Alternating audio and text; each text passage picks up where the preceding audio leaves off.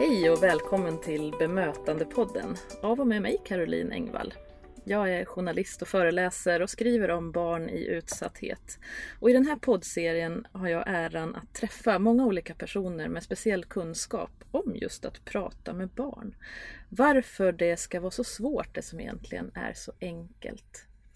Och idag har jag en gäst som heter Jelena och du är skolkurator. Välkommen! Tack så mycket! Berätta, vem är du? Ja, som sagt, jag heter Jelena Milenkovic och jag jobbar som skolkurator på en mellan och högstadieskola.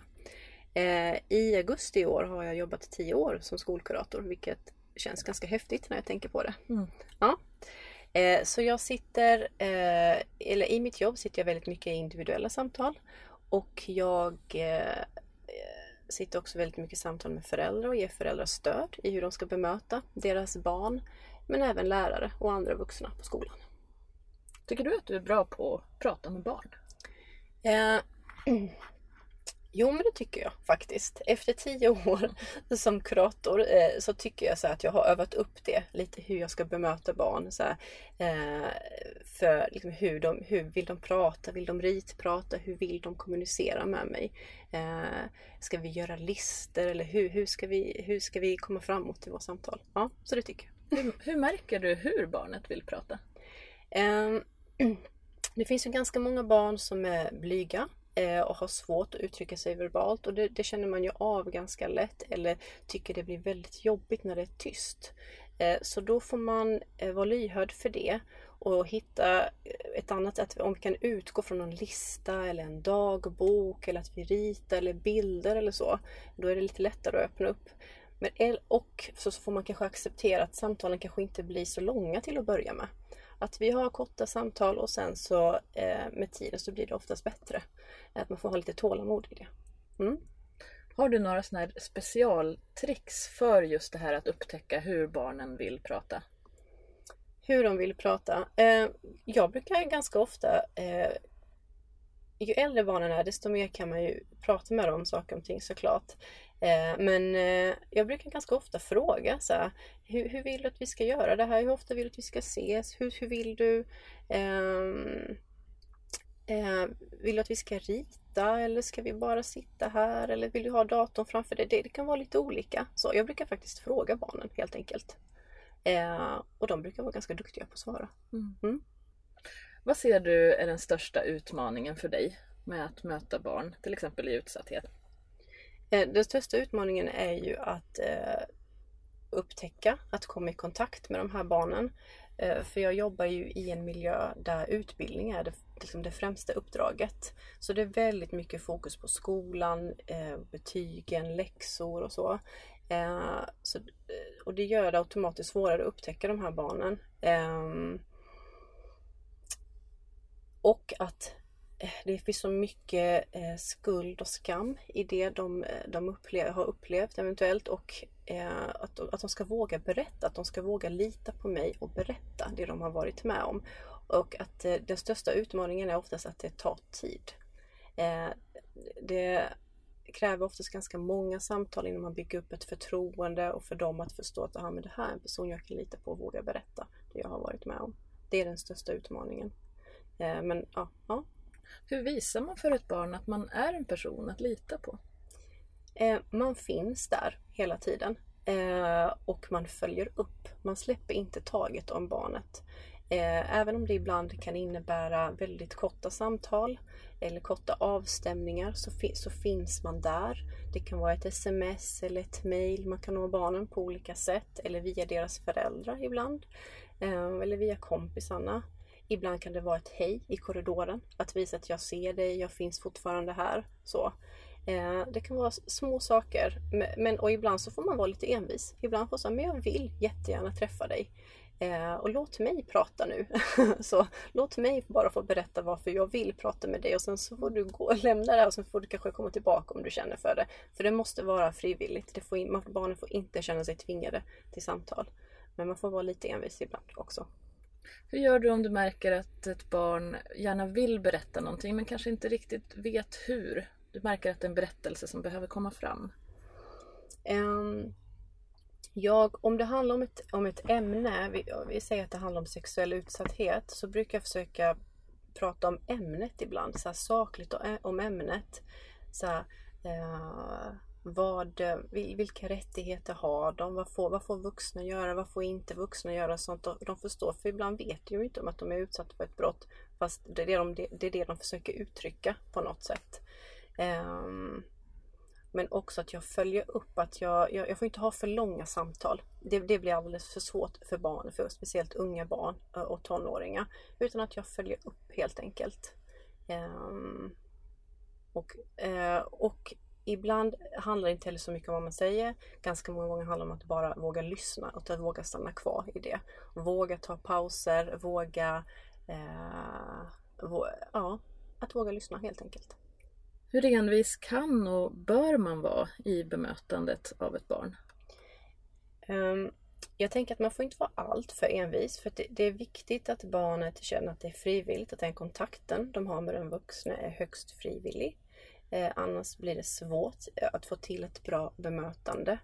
Eh, men å andra sidan, barn som lever i någon form av utsatthet behöver ju eh, uppmärksamhet, de behöver extra trygghet och då kanske man behöver ge det här lilla extra av sig själv och av sin tid.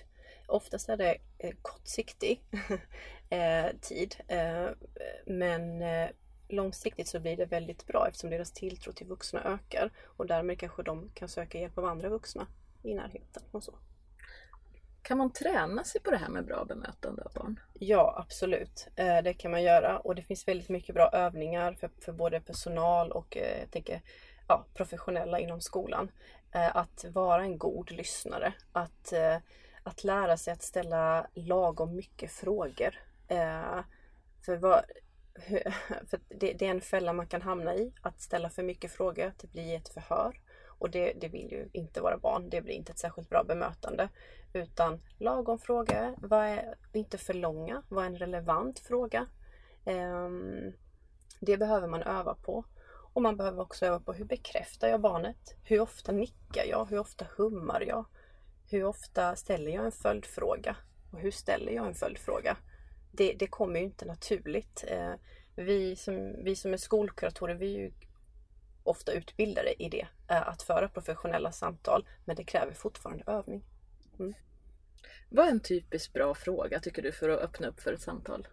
Um, en typisk bra fråga för mig det är så här. Eh, ofta så, jag brukar öppna upp ett samtal med att berätta vem jag är och vad jag kan hjälpa till med. Det tänker jag är förutsättningssatt. Men när man har gjort klart den biten eh, då tänker jag så här, men hur har din dag varit idag? Eh, att man börjar med någonting lättsamt så. Eh, vad har du haft för lektion nu? Ja, svenskan. Vad gör ni i svenskan? Ja, vi skriver noveller. Vad handlar de, de om? Att vi börjar prata om någonting neutralt. Så. Eh, det, det är en bra ingång. Så. Eller, eller vad har du på hjärtat? Och sen ibland så många barn, vad då på hjärtat? Och sen så börjar vi prata om det. så alltså man kan hamna i den fällan ibland. Mm, ja. Finns det några misstag man kan begå i bemötande tycker du? Ja, det finns det absolut. Eh, och det, det är någonting som vi alla kämpar med som jobbar med barn och ungdomar.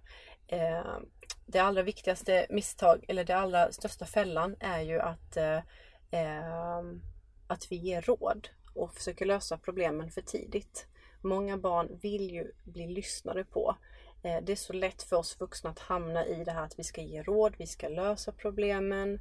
Eh, för jag kan ju inte bara lyssna på det här utan jag måste ju faktiskt göra någonting. Eh, men det, det är precis tvärtom, att man ska våga lyssna. Eh, många barn känner sig överkörda om, om en vuxen kommer med råd för tidigt. Då känner de sig inte sedda och inte hörda. Utan, eh, och, det är ofta, och, och oftast har de ju försökt att lösa det. Om man bara pratar med dem så har de ju haft egna strategier. Men de bara uttrycker det på ett annat sätt. Skulle jag vilja säga. Vad klokt. Hur har du tränat dig i det att hålla in tyglarna? Ja, det, det är det svåraste. För ibland så hamnar jag så lätt i det här att jag tänker på lösningen redan andra samtalet. Medan jag, jag måste verkligen så här, vara lugn och bara lyssna och resonera mig fram med barnet. Men hur har du tänkt där? Och hur försökte du lösa det? Och hur fungerade det? Och sådär. Eh, men det är svårt. Det, det, har, det, kräver verkligen övning att inte hamna i den fällan. Men ibland gör man det och då blir man så irriterad. Eh, men, men man kan ju rädda upp det. Eh, man, oftast träffar man barnet eh, ytterligare några gånger och så får man göra ett nytt försök. Hur är bästa tipset från din sida att just eh, rädda upp ett misstag som du har begått? Nej men det är ju att vara ärlig och säga till barnet att säga hur jag upplevde samtalet. Du, när vi träffades förra gången, då känner jag så här att jag tog ju över samtalet. Jag berättade för dig vad du skulle göra och det var inte alls min mening. Eh, kan du inte bara kan vi börja om? Kan du inte berätta för mig varför var det du kom till mig och hur? Ja, eh, och, och, och sen så får barnen säga nej men så upplevde jag det inte eller jo så kanske det var, men det kan väl se lite olika ut. Så hur, hur, hur, om de vågar vara ärliga eller inte. Men jag, jag är ofta snabb med och om jag upplever att jag har gjort något misstag eller att jag hamnat i en fälla i ett samtal. Jag är snabb med att be om ursäkt till barnen. Så. Eh, för det, det, tror jag eh, man vinner mycket på. För man gör det ju oftast inte, man vill ju inte någon illa men det kan ju bli fel ibland. Så. Sen kan det ju finnas situationer där barnen också behöver omedelbart skydd eller mm. omhändertagande. Så. Precis får man ju förstås göra den avvägningen. Ja absolut, absolut, verkligen. Och det är det jag tror att många eh, lärare inom skolan kämpar för. För när man eh, det finns ju väldigt mycket så här hemsidor där ute för, för, våra barn och ungdomar där man kan få hjälp och stöd i olika former. Och där, på de hemsidorna står det ju att de ska vända sig till någon de litar på, vilket ofta är en lärare. Och jag tror att lärare eh, eh, ibland är rädda för att eh, prata med barnen, för vad barnet ska berätta, för vad ska jag göra med den här informationen, vad ska jag ta vägen med den? Och då tror jag att som skolkurator, som skolkurator är det viktigt att, att trygga lärarna i det, att de kan lämna över det till oss. Mm. Men de får inte avsluta kontakten med eleven för det, eller med barnet. Eh, utan de får ju följa upp och då kan vi hjälpa dem i det, lärarna i det. Att hur följer man upp det på ett bra sätt? När barnet har berättat något så svårt de har varit med om, kanske något övergrepp på nätet eller så. Ehm, ja, det är jätteviktigt att trygga våra lärare i det och att kanske prata med våra lärare om, eh, om unga i utsatthet, hur uttrycker det sig? Eh, men framförallt hur man bemöter det. Och lite så samtalsmetodik. Det skadar aldrig. Alltså hur man eh, som hur man får till ett bra samtal. Och att det kräver övning såklart. Väldigt viktigt det du säger. Du har jobbat i tio år som skolkurator. Mm. Vad märker du för trend under dina tio år här? Um, jag tycker de, de, senaste åren, jag sitter ju såklart i mycket individuella samtal med barn och ja, tonåringar. Um, men de sista åren så är det också väldigt mycket samtal med föräldrar. De föräldrar uttrycker att de behöver stöd i hur de ska bemöta sina barn. Framförallt när det handlar om eh, när man har varit med om svåra saker. Eh, och, det, och nu är det väldigt mycket så, eh, saker som sker på nätet. Barn har varit utsatta för olika saker. Eh, och hur pratar man med sitt barn om det? Det här är ju något nytt för många föräldrar. Och eh, många är nog lite osäkra inför att prata med sitt barn för att de, vill, Eh, de är oroliga för, dem, för vad de kommer höra och hur de ska ta hand om det. Så, så då pratar jag mycket med föräldrar om det. Att våga prata, att våga fråga sina barn. Eh, och att eh, många föräldrar och andra vuxna har ju uppfattning om att ett samtal sker, att man sitter mitt emot varandra. Och så, så är det ju sällan.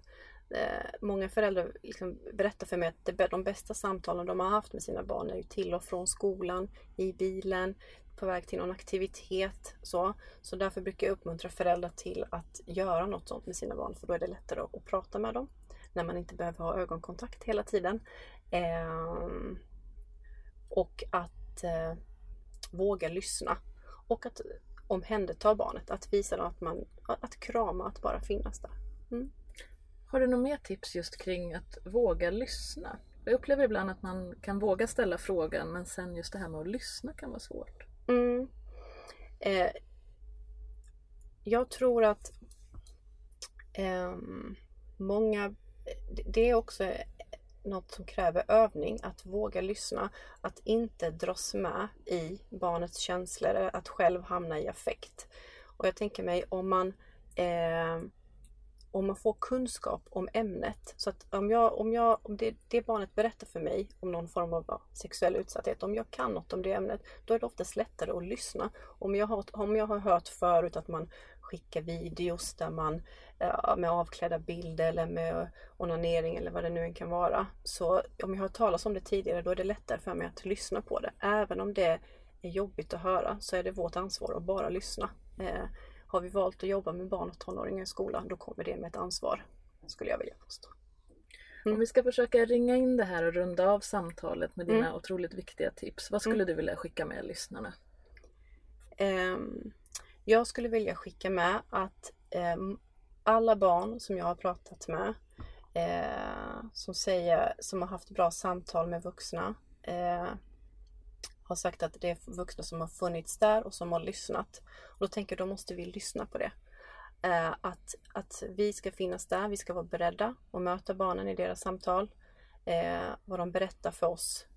Eh, och våga lyssna och våga agera. Inte där och då. I, i själva samtalet då är det viktigt att vi, vi lyssnar men sen att vi också agerar och pratar eh, med varandra om det. Mm. Jelena Milenkovic, tusen tack för att du har velat dela med dig av dina värdefulla mm. råd. Tack själv. Och tack också till dig som har lyssnat på Bemötandepodden. Vi ses i nästa avsnitt.